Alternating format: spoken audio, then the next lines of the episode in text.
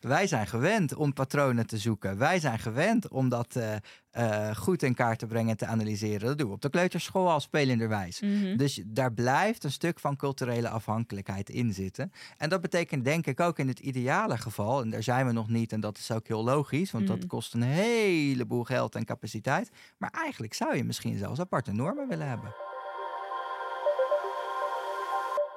Welkom bij de Pearson Podcast. In deze podcast nemen we je mee in de wereld van diagnostiek en behandeling binnen de geestelijke gezondheidszorg.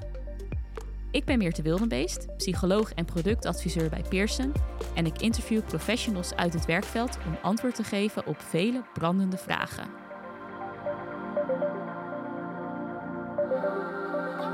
Voordat we verder gaan, nog even dit.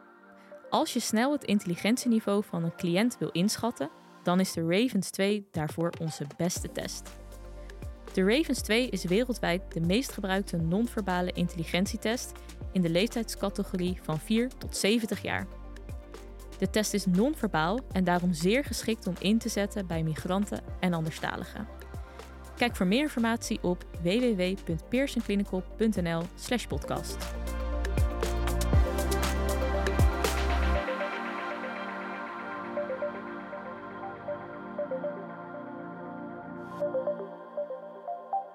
Welkom bij deze aflevering van de Pearson Podcast. We hebben vandaag weer een vraag die we gaan beantwoorden, namelijk welk instrument kies je om het IQ bij migranten of bij kinderen van migranten te meten? En uh, deze vraag die ga ik uh, niet beantwoorden, maar uh, degene die tegenover mij zit wel, dat is Bart Vogelaar. Welkom Bart, fijn dat je er bent. Dank je. En um, ja, misschien kan je je voor de luisteraars nog even kort voorstellen. Mm -hmm. Nou, mijn naam is Bart Vogelaar. Ik uh, werk als universitair docent bij de afdeling ontwikkelings- en onderwijspsychologie van de Universiteit Leiden. En daar doe ik onderzoek naar uh, onder andere intelligentie en leerpotentieel. En daarnaast geef ik ook onderwijs in de master schoolpsychologie, kind- en jeugdpsychologie. En geef ik postacademisch onderwijs uh, voor de opleiding schoolpsychologie. En ik werk ook nog in de praktijk als, als uh, psycholoog. Oké, okay, nou, een heel divers takenpakket uh, zo te horen. Zeker. Ja, nou leuk, ja. Dat, je, leuk dat je er bent. Um, nou, om er met de deur in, in huis mm -hmm. te vallen, hè, dus welk instrument kies je om het IQ bij nou, die migrantengroep te mm -hmm. meten? Ja, welke instrumenten zijn hier nou voor geschikt? Ja, dat is tegelijkertijd gelijk een hele moeilijke vraag. Want mijn antwoord zou eigenlijk zijn: geen één. Geen één. Nou ja, het is iets jammer. genuanceerder dan dat. Hè? Mm -hmm. Maar eigenlijk is het wel zo dat het heel erg moeilijk is om op. Uh, um, nou ja, betrouwbare wijze eigenlijk in kaart te brengen wat kinderen of volwassenen met een andere achtergrond of een andere moedertaal eigenlijk in huis hebben aan cognitieve capaciteiten. En dat komt door een aantal dingen. Allereerst moet ik dan toch een stukje uitleggen, denk ik, als het gaat over, over Ja. verschillende aspecten van intelligentie. Mhm. hè. Er zijn natuurlijk heel veel verschillende aspecten. Ga ik nu niet al te uitgebreid op in. Maar ik wil wel iets zeggen over het verschil tussen gekristalliseerde intelligentie en fluïde intelligentie. Gekristalliseerde intelligentie is dat deel van de intelligentie dat eigenlijk gebaseerd is op feitenkennis. Dus op dingen, feiten, gebeurtenissen eh, uh, die jij in je leven hebt meegemaakt, die jij geleerd hebt op school, van je ouders, etc. Het andere, een ander deel van intelligentie is fluïde intelligentie, fluid intelligence. En fluid intelligence bestaat eigenlijk uit leren on the spot. Hè? Dus op het moment zelf verbanden kunnen leggen. Daar heb je eigenlijk geen voorkennis voor nodig. Als ik je dit zo uitleg, dan denk ik dat het al helder is dat gekristalliseerde intelligentie, dat dat sterk cultuurafhankelijk is. Mhm. En fluid intelligence, fluïde intelligentie, in de basis niet. Heb ik al gelijk een stukje van, je, uh, um, van het antwoord. Je wil dus een test hebben die niet zozeer gekristalliseerde intelligentie meet. Want heb je iemand uit een ander land of met een andere moedertaal, dan heeft die zeer waarschijnlijk een andere feitenkennis, andere dingen geleerd dan iemand die hè, uit ons land komt, om het nu zo maar te zeggen. Mhm. Dus dat is al een hele belangrijke. Daarnaast, wat heel belangrijk is, is dat zelfs al meet je fluïde intelligentie, is het zo dat de taak die je gebruikt om dat te meten toch cultuurafhankelijk is. Hoe je het ook wendt of keert, blijft daar een bepaalde mate van cultuurafhankelijkheid in zitten. Wij doen bijvoorbeeld vaak, als wij fluïde intelligentie willen meten, doen we dat door inductief redeneren te gebruiken. Nou, een taak is bijvoorbeeld een analogie. Een analogie bestaat uit figuurtjes of uit woorden of uit geometrische objecten. Maar daar zit al cultuurspecificiteit in. Hè? Ehm, en ook bijvoorbeeld, ehm, als je bepaalde taken afneemt in de WISC, zie je plaatjes die cultuur afhankelijk Ja. zijn. Nou, wat kan je dan doen? Je kan natuurlijk denken, als ik dan in een ander land kom, in een andere cultuur kom, pas ik die, pas ik die taken aan en maak ik ze cultuurvriendelijker, om het zo maar te zeggen. Dat kan zeker helpen. Mhm. Absoluut. Maar je neemt er niet 100% eh, de, de, de cultuurafhankelijkheid mee weg. Hè? En dat komt ook, bijvoorbeeld wij in het Westen zijn we op, eh, vanuit, vanaf jonge leeftijd eigenlijk al gewend om heel veel met symbolen te doen en te tekenen en te kleuren. En we weten al heel veel wat die, hoe die geometrische objecten heten. We zijn heel veel bezig, bijvoorbeeld ook met kinderen leren. Hè, dat is een kat en dat is een hond. En, en dat heeft ook invloed op hoe ze, wat ze leren en hoe ze zo'n test doen. Mhm. En ik, ik heb ook wel eens gehoord dat, eh, dat wij in het Westen ook heel erg veel oorzaak ge- ja, eh, Ja. gewend zijn om te denken in oorzaak Klopt. en gevolg. Ja. Terwijl het in andere culturen misschien helemaal niet Ja. zo. eh, Dat ja. zeg je heel juist. Wij zijn heel analytisch ook gewend te denken. hè. Ik moet altijd denken aan iets wat Flynn ooit zei, hè, die het Flynn-effect heeft onderzocht. Die zei ooit, ehm, en dat gaat dan even een zijspoor hoor, dat gaat eigenlijk maar, over het ja. Flynn-effect. Maar hij zei altijd, ehm, hè, als je onze voorouders zou vragen, hoe zijn een kat en een hond gerelateerd aan elkaar, dan zouden ze waarschijnlijk zeggen, de een jaagt de ander op. Vraag je nu aan ons, hoe zijn een kat en hond gerelateerd, dan zeggen we, het zijn allebei zoogdieren. Ja, dat Zie je zou, het ik- zou ik verschil? ook zeggen. Precies. Ja, ja? En dat is eigenlijk, kan je ook toepassen op verschillende culturen. Als je een kind bij ons dat zou vragen, als het in ieder geval formeel onderwijs gehad heeft, dan is de kans heel groot dat dat kind gaat zeggen: ja, hè, het, het zijn allebei zoogdieren. Of. eh, in ieder geval, ze hebben Mhm. allebei haar. Of hè, die gaat categoriseren. Maar een kind dat opgegroeid is eh, in meer hunter-gatherer ehm, eh, maatschappij of, of, of community is dat dan meer, hè, die gaat misschien weer iets heel anders zeggen. Hè, dus het is zo afhankelijk eh, eh, van de cultuur, hoe je denkt en wat je weet en, en zo verder. Dus dat Ja. is heel juist wat je zegt. Ja. Ja. Ja, ja, ik vroeg me dat inderdaad al af. En jij noemde hè, dus het verschil tussen Mhm. eh, gekristalliseerde en fluïde intelligentie. En het gekristalliseerde is wat meer cultuurafhankelijk dan fluïde redeneren. Hoewel dat Ja. dus blijkbaar ook eh, Ja. in die zin... Ja, eh, en dat is met name, komt met Ja. name doordat de taak die je kiest eh, om, om dat aspect in kaart te brengen, is altijd cultuurafhankelijk. Daar komt het eigenlijk door. ja. En, en ehm, dan kan je heel goed nadenken over de soort taken die je gebruikt. En ehm, dan kan je dat voor een groot gedeelte omzeilen, maar niet helemaal. Nee, nee. Ja. En als je dan toch moet kiezen voor een taak Ja. of een instrument, welke zet jij nou bijvoorbeeld in? Oké, nou, dan Ja. moet ik nog iets uitleggen. Ja, zet, doe maar. Want er is natuurlijk ook onderscheid tussen, taak, eh, eh, tussen tests die wat meer verbaal zijn en tests die wat minder verbaal zijn. Mhm. En daar zou ik dan voor gaan. Een test die minder verbaal is. Minder verbaal. Juist. En, en welke tests eh, gebruik je dan bijvoorbeeld? Misschien kan je wat, wat noemen. Ja hoor, ik, ik zou kiezen voor een test die veel fluïde taken heeft en weinig verbaal is. Dus je zou bijvoorbeeld kunnen denken aan de Raven. Dat is een soort eigenlijk matrix redeneren, Ja, toch? Maar dan heel alleen goed. maar Ja. één, eh, één taak. Ja. En dat zeg ik heel leuk. En tegelijkertijd is die Raven dus ook echt wel cultuurafhankelijk. Hè? Wij zijn gewend om patronen te zoeken. Wij zijn gewend om dat eh, eh, goed in kaart te brengen en te analyseren. Dat doen we op de kleuterschool al spelenderwijs. Mhm. Dus daar blijft een stuk van culturele afhankelijkheid in zitten. En dat betekent denk ik ook in het ideale geval, en daar zijn we nog niet, en dat is ook heel logisch, want dat Mhm. kost een heleboel geld en capaciteit. Maar eigenlijk zou je misschien zelfs aparte normen willen hebben. ja. Maar en dan aparte normen per eh, culturele groep bijvoorbeeld. Zit je nou Ja, aan te denken? Dat zou kunnen, maar dat Ja. is natuurlijk praktisch onmogelijk. Hè? Want dan zou je van alle verschillende culturen zou je een normgroep moeten hebben. Mhm. En wie zegt dat wij in Nederland één cultuur hebben? Dan ga je het daarover hebben. hè? ja, de Nederlander bestaat nou, niet, hè? Nee, precies. Dan zou je misschien een Limburgse norm moeten hebben en een Brabantse norm en een Noord-Hollandse norm. Nou, dat is natuurlijk kolder, dat kan niet. Maar je zou daar natuurlijk wel wat genuanceerder naar kunnen kijken. Ja, precies. Hey, en eh, wat ik nou ook wel eens heb gehoord is, je hebt dus die non-verbale eh, tests die je dan Mhm. kan inzetten of waar jij dan voor ja? zou kiezen. Dus bijvoorbeeld Son Air. Son Air, Ja. Ravens, nou noem maar op inderdaad. Ehm, maar meet dit dan ook echt, ja, of in hoeverre meet dit dan eh, het IQ? Want je mist natuurlijk het Mhm. verbale gedeelte. Kan je dan nog spreken van een ja, IQ-cijfer of ja, Dat kan. Alleen je moet wel specificeren wat dat IQ dan meet. Ja. Hè, dus bijvoorbeeld, eh, ehm, vaak wordt er dan gesproken als we het over de Son Air hebben, over een Son-IQ. zon-IQ? Nou, Oké. dat zegt niet zoveel. Hè? Wat is zon, zeggen mensen dan, maar dan Ja. moet je het uitleggen. Ja. Hè? En in principe is het zo, als je naar grote groepen individuen kijkt en je onderzoeksresultaten gaat vergelijken, dan zou je zeggen, dan is het de bedoeling dat welke IQ-test je ook neemt, je zou verwachten dat er ongeveer gelijk gescoord wordt. Op groepsniveau, met grote, met grote hoeveelheden individuen. Op Mhm. individueel niveau kan je dat gewoon niet altijd één op één zo trekken. Want de ene test heeft gewoon meer nadruk op aspect A en de andere test meer op aspect B.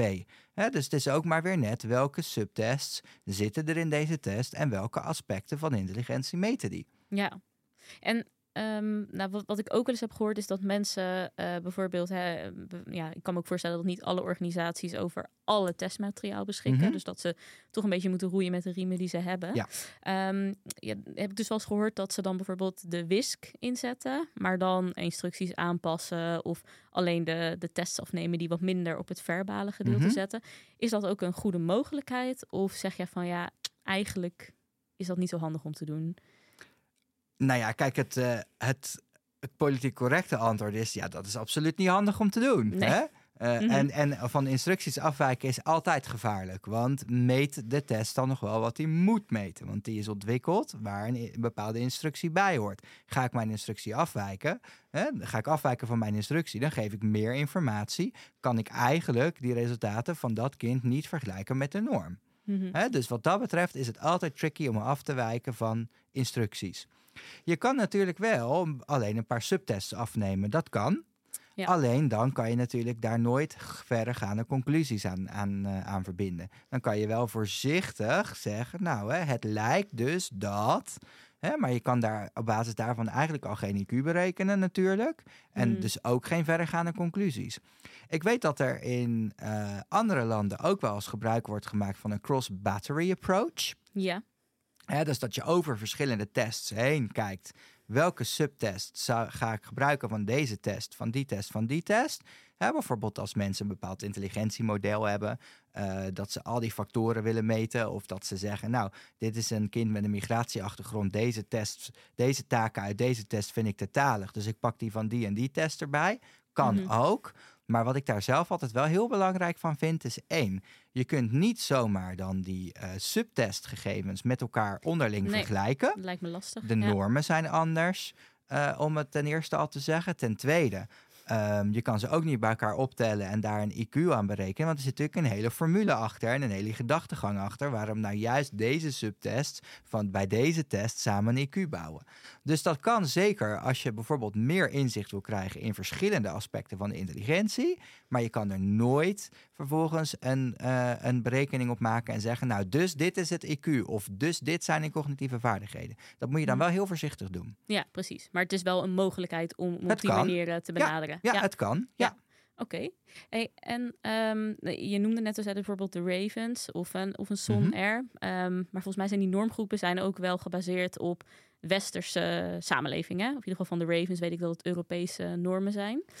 Ja, Ehm, ik dacht dat ze ook bezig, dat weet ik niet 100% zeker, maar ik dacht dat ze ook bezig waren om niet-westerse normen te verzamelen Oh, nou, voor de Ravens. Maar dat weet ik niet. Hang me er niet aan op, hè? maar dat dacht ik. zou Eh, kunnen hoor. En ja. ik weet van de Son Air dat dat eh, over het algemeen volgens mij een gecombineerde normgroep is voor. Duitsland en Nederland. Ja, precies. Daar vind ik eigenlijk Ja. ook wel wat van, ja. maar dat is weer een ander verhaal. Maar wat Ja. nou als je dan dus iemand daarmee test eh, die dus niet uit de westerse cultuur komt, dus bijvoorbeeld uit, nou ik noem maar eh, Syrië of Mhm. Iran of eh, nou ja, wat dan ook.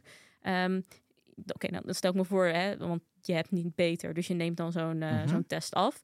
Ehm, maar wat doe je dan vervolgens met het resultaat? Want eigenlijk vergelijk je met een normgroep. Die niet helemaal representatief is voor Nee. die specifieke persoon. Nee, dat klopt. Want je, zou, je aanname is eigenlijk als ik dit kind of dat kind of een ander kind of volwassene eh, eh, deze test laat doen, dan ga ik ervan uit dat ze min of meer dezelfde testvaardigheden hebben en min of meer dezelfde eh, voorkennis, min of meer. Hè? Mm. En, dat, de, en, en die twee aannames, die schend je dan natuurlijk eigenlijk al. Dus dat betekent puur zang dat je heel voorzichtig moet zijn met het interpreteren van die resultaten. Uh, want het, is, het kan zomaar zijn dat als het inderdaad een, uh, een kind is uit Syrië, hè, dat die ook nog maar kort is, dat die natuurlijk op de subtest, die meer gekristalliseerde intelligentie meten, gewoon gaat uitvallen. Ik weet nog met uh, de WISC 3 hè, um, dat er een vraag was over wie is Beatrix of hoe heet de koningin van Nederland. Ja, ja als je hier maar net bent, Weet jij veel? dan weet ja. je dat misschien niet. Ja. Kijk, ga mij eens vragen wat uh, de hoofdsteden zijn van alle Amerikaanse staten. Ja, dan ben ik ook snel klaar. Mhm. Hè? Dus um, ja, dat, dat, daar ben ik zelf. Ik zou er zelf ook dan niet voor kiezen om zo'n test te nemen. Dan zou ik er toch voor kiezen om een test te nemen die meer alleen de fluïde intelligentie meet. En dan ook in ieder geval een kleine disclaimer inbouwen in mijn rapportage, waarin ik dan ook zeg: hè, nou, Ja. hou er rekening mee dat de normscore, et cetera, hè, Ja. gebaseerd is op Nederlandse kinderen of iets dergelijks. Nou is het Mhm. wel zo dat met de moderne tests er vaak met het berekenen van de normscores ook wel rekening is gehouden dat er ook kinderen die in Nederland wonen van verschillende cultureel-etnische achtergronden in ieder geval onderdeel zijn van de steekproef waarop de normscores gebaseerd zijn. Ja. Eh, dus tegenwoordig houden we daar wel meer rekening mee. Ja, die Dus zitten, als al- het, ja, die zitten als het ware al in die normgroep, omdat dat een bepaald percentage van de bevolking is. Als het goed is wel. Ja. En vaak wordt er ook nog gekeken of die scores dan significant afwijken of niet. Mhm. En als dat het geval is, dan Dan zou je hopen dat daar een bepaalde correctie voor zou, Ja. eh, zou komen. Ja. precies. Oké. Hey, en ehm, nou, op een gegeven moment heb je dan dus inderdaad zo'n eh, Ravens of Mhm. Zon of nou, wat dan ook heb je afgenomen. Je maakt een mooi rapport daarvan, denk ik. Eh, je koppelt dat terug in een adviesgesprek. Eh, ja, heb, zijn er nog specifieke punten waar je op moet letten? Want als iemand bijvoorbeeld de taal niet helemaal goed machtig is, ehm, ja, hoe, hoe, kop, hoe ga je dan zo'n adviesgesprek in? Ja, daar, dat is een hele goede vraag. En dat is ook heel belangrijk. Want allereerst is het heel belangrijk goed na te denken over welke waarde hangt deze cliënt aan de uitslag van dit onderzoek. Want in sommige culturen wordt er ook veel meer waarde aan gehecht dan in andere culturen. En Mhm. betekent het ook veel meer of veel minder. Dus daar moet je sowieso al goed over nadenken. Vervolgens denk ik dat je het gewoon goed moet checken. Hè, wat ik zeg, komt dit aan? Begrijpt de persoon tegenover me dit? Want als je een kind hebt uit een, uit een andere cultuur, heeft hij ook ouders uit een andere cultuur. En als die op latere leeftijd naar Nederland zijn gekomen, heb je 9 van de 10 keer een taalbarrière. In dat Mhm. geval raad ik ook echt wel aan, als je echt verwacht dat er een taalbarrière is, kijk of je een tolk in Ja, kan schakelen. precies. Ja. En dan niet het kind zelf. Ja, dat is een open deur misschien. Maar ik zie toch heel vaak dat dat gebeurt. Vooral ook in onderwijssettings. Maar dat ze het kind als tolk Ja. inzetten, bedoel je? Ja. Oh, oké. Voor ouders. Ja. Aha. En dat, eh, dat gaat dan vaak niet expres zo hoor. Dat is niet dat Nee. dat van tevoren geregeld wordt. Maar dan ineens ter plaatse komt men erachter. Oh ja, hm, de taal is wel minder dan ik verwacht had. Misschien kan het kind wat voor me vertalen. Ja, en ik vind dat zelf nooit zo handig. Want één, is één, één het gaat over het kind. Twee, ja, het is best wel heftig om dat ook nog eens te moeten vertalen. Hè? En wie zegt dat dat kind de juiste termen weet? Wie zegt dat dat kind de juiste informatie doorgeeft?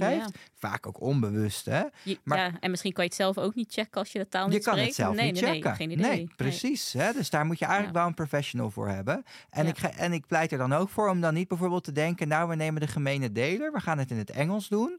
Want nou, ik heb toevallig ook in Engeland gewoond en Engels gestudeerd. Mijn Engels is best oké, durf ik wel te zeggen. Mhm. Maar dan nog vind ik het soms in het Engels al heel moeilijk om die kleine nuances aan te geven.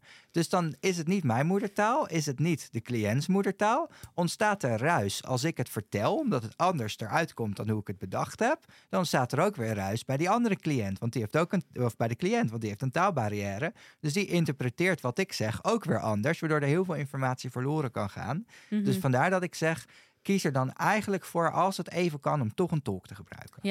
En hoe ervaar je dat tijdens een gesprek? Dan zo'n tolk erbij? Ik vind dat nooit zo erg. Ik vind dat zelfs wel fijn. Mhm. Wat ik wel moeilijk vind is als het aan de telefoon is. Want je hebt natuurlijk ook die Telefonische telefoontolks. tolks, ja, Ja. precies. Ja. Het is wel heel Ja. fijn hoor, omdat je dan heel makkelijk natuurlijk uit een groot aantal talen een tolk kan kiezen. Maar wat ik er moeilijk aan vind, is diegene zit niet in de kamer. Dus je kan heel moeilijk inschatten, ja, wat gebeurt hier? Hoe is de stemming? Eh, hoe pakt iemand het op? Eh, en dan heb je natuurlijk nog het probleem met dat de connectie vaak niet goed is. En als je met een aantal mensen zit, is het vaak slecht te verstaan. Ehm, dus daarom vind ik zelf een telefonische tolk nooit heel fijn. Maar het is beter dan geen tolk. Ja, oké. Maar als je zou mogen kiezen, gewoon een fysieke Het in de kamer. ja. ja, ja, ja. Ja. ja, oké. Hey, en eh, je noemde nog van hè, eh, bepaalde culturen wordt best wel veel eh, waarde gehecht dan aan hoe je het hebt gedaan op zo'n IQ-test. Welke welke culturen zouden dat, zouden dat zijn? Ja, dat is echt een hele moeilijke ja, vraag. ja, ja. Ehm, nou ja, er zijn natuurlijk, hè, er is allerlei eh, so- sociaal-demografisch onderzoek naar gedaan. Je hebt culturen die zijn meer prestatiegericht. Je hebt Ja. culturen die, die zijn veel meer bijvoorbeeld waardegericht of groepsgericht. Hè? Ehm, maar ja, ik, ik, ik zeg het eerlijk, ik kan daar niet 1, 2, 3 zo antwoord nee, op dat geven. hoeft ook niet hoor. Nee. Ehm, maar het is wel zo dat we weten dat het in heel veel culturen heel belangrijk is dat het kind het goed doet. En dat Ja, het kind het liefst beter doet dan de ouders. Mhm. hè? En ehm, daar moet je gewoon heel goed op letten. Oké, nou helder. Dankjewel eh, Bart voor eh, al je informatie. Ik, eh, Graag gedaan. ik heb veel geleerd en ik hoop de mensen die het hebben geluisterd ook, maar dat, dat weet ik wel bijna zeker. Dus, Ik hoop het ook. Dankjewel. Vond je dit een interessante podcast? Volg dan ons kanaal zodat je op de hoogte blijft van nieuwe afleveringen. En deel de podcast gerust met je collega's als je hem interessant vond. Wil je een vraag insturen of jouw feedback met ons delen? Dan kan dat via pearsonclinical.nl/slash podcast. Daarnaast hebben we ook een speciale actie voor onze podcastluisteraars. En deze is te vinden op dezelfde site, dus pearsonclinical.nl/slash podcast. Tot de volgende keer.